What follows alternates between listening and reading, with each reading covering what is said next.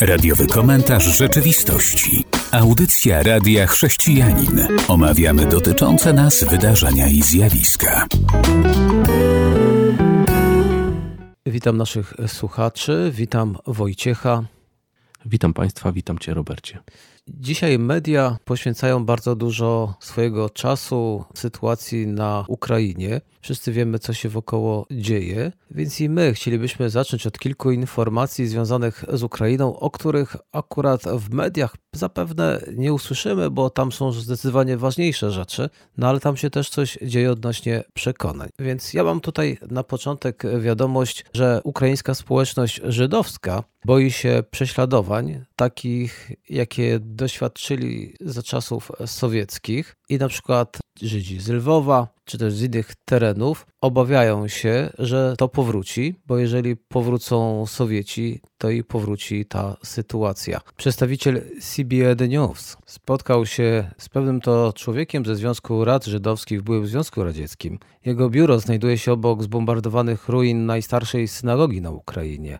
Przez 359 lat synagoga była symbolem prężnej wspólnoty religijnej, a potem przyszedł rok 1941, który przyniósł nazistowskie bombardowania, po których nastąpiła masakra półtora miliona ukraińskich Żydów. Teraz, 80 lat później, ten wybitny żydowski przywódca widzi ponownie zbierające się chmury, bo Rosja atakuje Ukrainę. I jak powiedział, najważniejsze jest to, że ludzie będą przestrzegać zobowiązań wszechmogącego, a jeśli to zrobią, zapanuje pokój.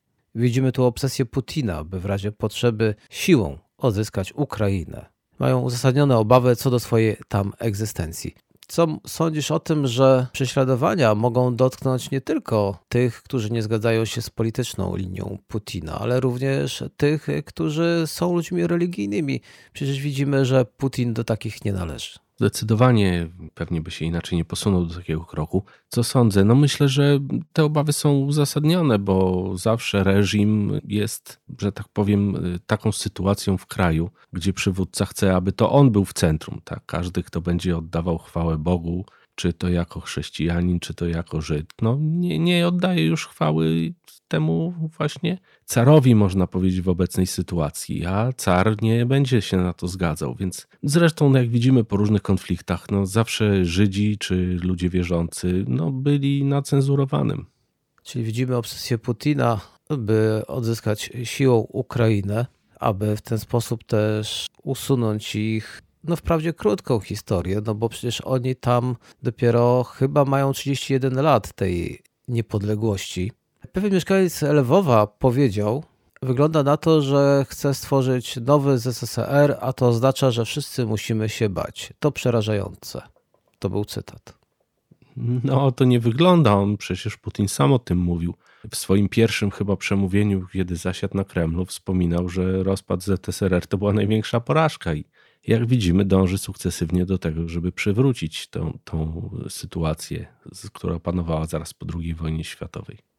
W miarę narastania tego strachu, rabin Mordechaj Shlomo Bolt, przywódca największej lwowskiej synagogi, przygotowuje się do otwarcia drzwi każdemu, kto ucieka przed potencjalną przemocą. On chce, aby ich synagoga była błogosławieństwem dla tych, którzy są w potrzebie.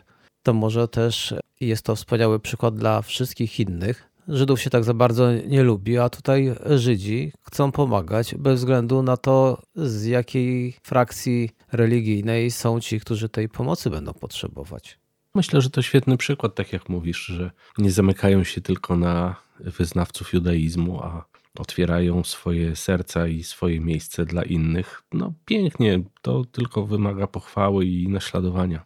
Już wiemy, że w Polsce również są przeróżne kościoły, które przygotowują się na pomoc. Tak naprawdę niektóre już pomagają Ukraińcom, którzy w tej chwili docierają do Polski, a wiemy, że jednak mężczyzn zatrzymują na granicy.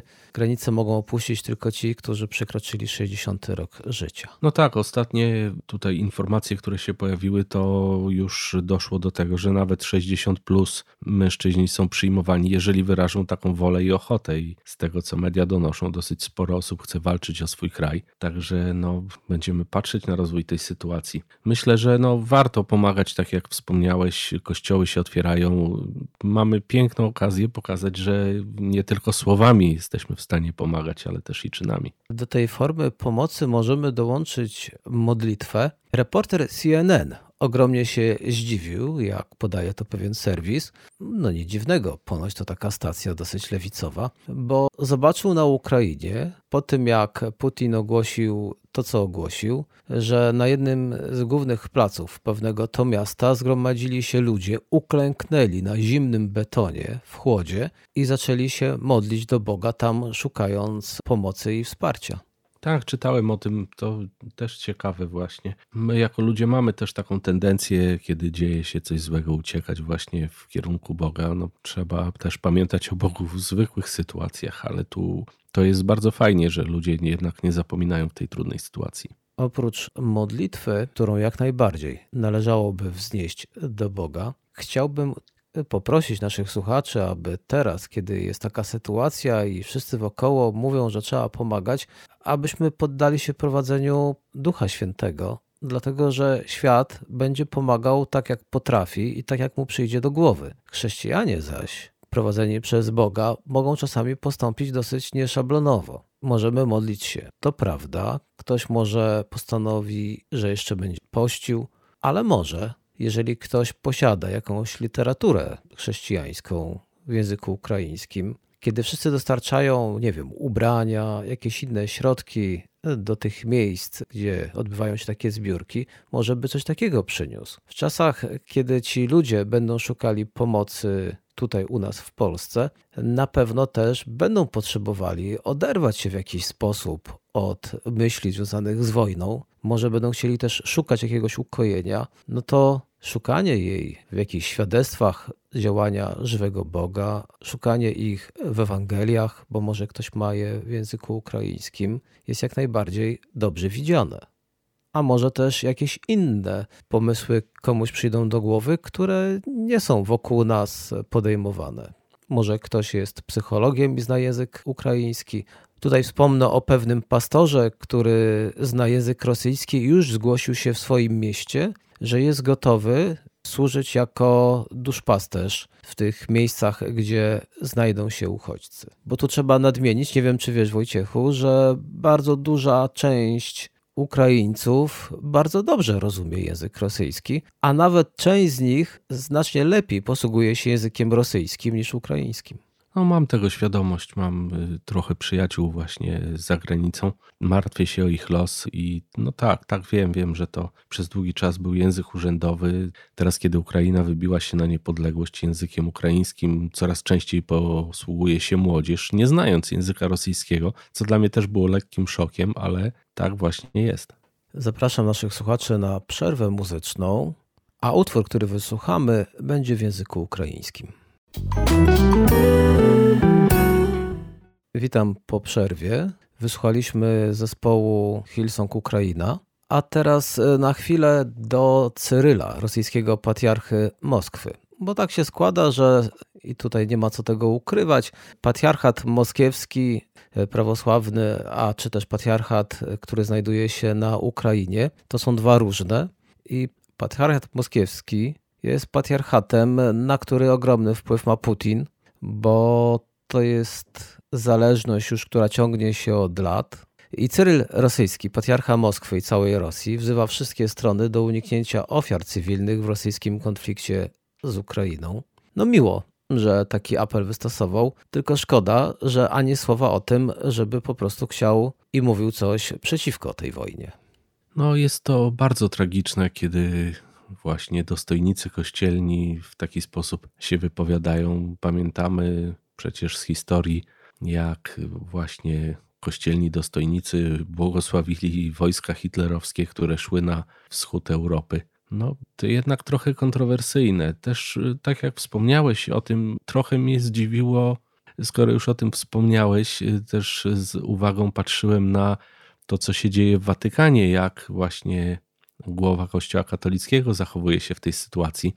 No i tu podano, że odwiedził ambasadę rosyjską w Watykanie papież Franciszek i tam przeprowadził rozmowę, zwracając uwagę na pewne aspekty. Dobrze, że chociaż tyle. Może coś e, z tego wyniknie, ale jak już znamy sytuację z innego kraju, o którym w tej audycji jakiś czas też była mowa, to są jakieś kurtuazyjne spotkania, gdzie wymiana zdań jest bardzo, bardzo dyplomatyczna. Może już taki kierunek obrał Kościół katolicki, aby robić to wszystko po cichu i powoli, ale mam nadzieję, że z tych rozmów rzeczywiście coś wyniknie. Za to tu można pochwalić wiele krajów na świecie, które dosyć szybko podjęły pewne decyzje odnośnie Ukrainy.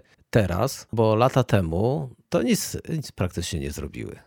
No tak, i tu przypominając sobie historię, okazuje się, że gdyby wtedy coś się zadziało, dziś być może Ukraina byłaby w NATO, może byłaby członkiem Unii Europejskiej i ta sytuacja nie byłaby już tak oczywista. Natomiast no, z racji tej swojej zachowawczości stało się jak się stało. Miejmy nadzieję, że teraz te sankcje będą na tyle dotkliwe, że Putin się opamięta, Natomiast no, w, w, pewnym sensie, jakby patrząc z drugiej strony, tak naprawdę Europa stała się trochę zakładnikiem swojej europejskości, no bo niestety kraje cywilizowane, jak nazwa wskazuje, powinny załatwiać sprawy w sposób cywilizowany. Oczywiście nie sugeruję tu, że trzeba pojechać czołgami w odwiedziny do pana Putina, ale, ale w pewnym sensie troszkę sami sobie związaliśmy ręce, robiąc tak, jak robimy. Dzisiaj nasza audycja będzie zasadniczo krótsza od tych wszystkich. Całkowicie poświęcamy ją sytuacji na Ukrainie. Więc jedną z tych ostatnich wiadomości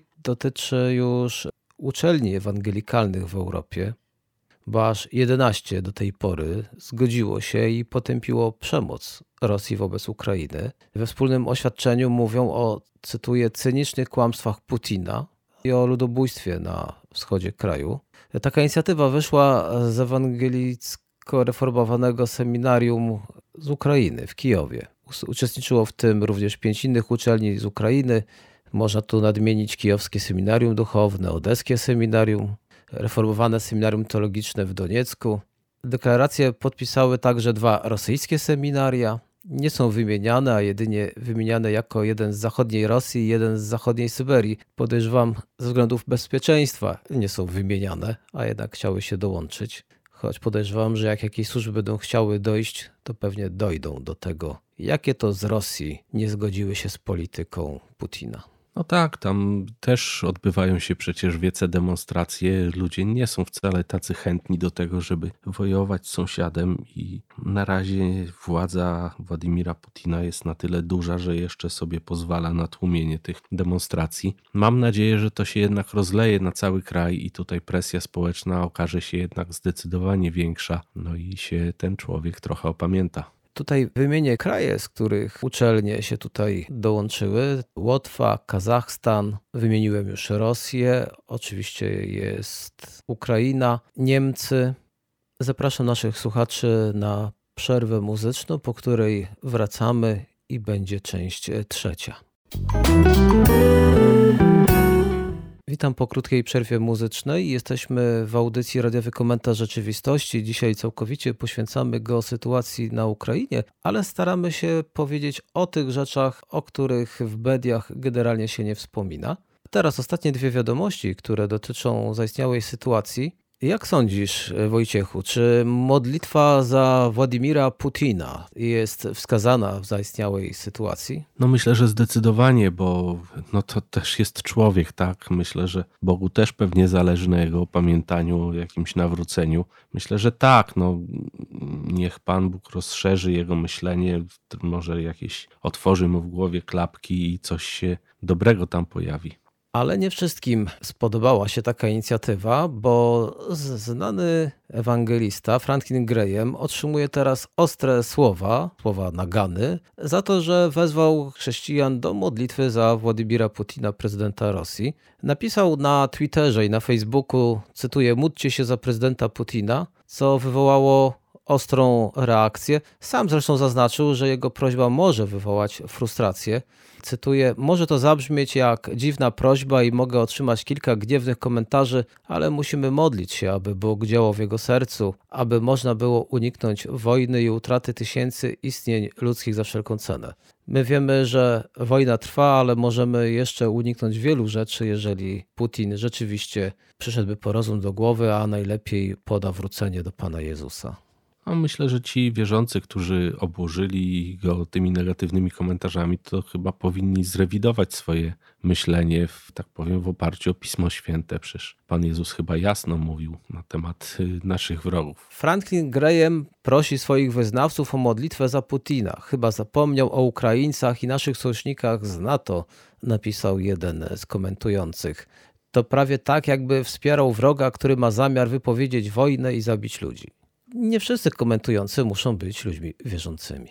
Słusznie, słusznie, aczkolwiek y, podejrzewam, że tacy ludzie, że tak powiem, niezwiązani w jakikolwiek sposób, no raczej nie chodzą na strony pastorów i nie komentują ich wypowiedzi, chociaż. Wydaje mi się, że chodzą i szukają pretekstu, aby pokrzyczeć, a w dzisiejszych czasach, to już my wiemy z naszych nawet polskich mediów, Rosjanie próbują to tu, to tam coś dodać od siebie, co niekoniecznie jest prawdą, aby nastąpił jakiś chaos informacyjny. Widzimy to na naszych stacjach benzynowych, jak y, rosyjscy trole spowodowali panikę paliwową w Polsce. A ostatnia wiadomość, która jest związana zapewne również z sytuacją, która ma miejsce, pochodzi już z Izraela. Tam Odpowiadając na poparcie Jerozolimy dla Ukrainy, Rosja poinformowała, stało się to w środę, że odrzuca roszczenia Izraela do wzgórz Golan. Rosja zaatakowała Izrael w ONZ podczas debaty Rady Bezpieczeństwa na temat konfliktu izraelsko-palestyńskiego. Wiemy, że jest tam konflikt na Bliskim Wschodzie i wzgórza Golan są już od jakiegoś czasu tematem e, sporu, no ale widzimy, że Rosja próbuje na różnych frontach atakować. Jak Żydzi nie wspomną nas, to my za to ich skrytykujemy, nie poprzemy, a niech mają.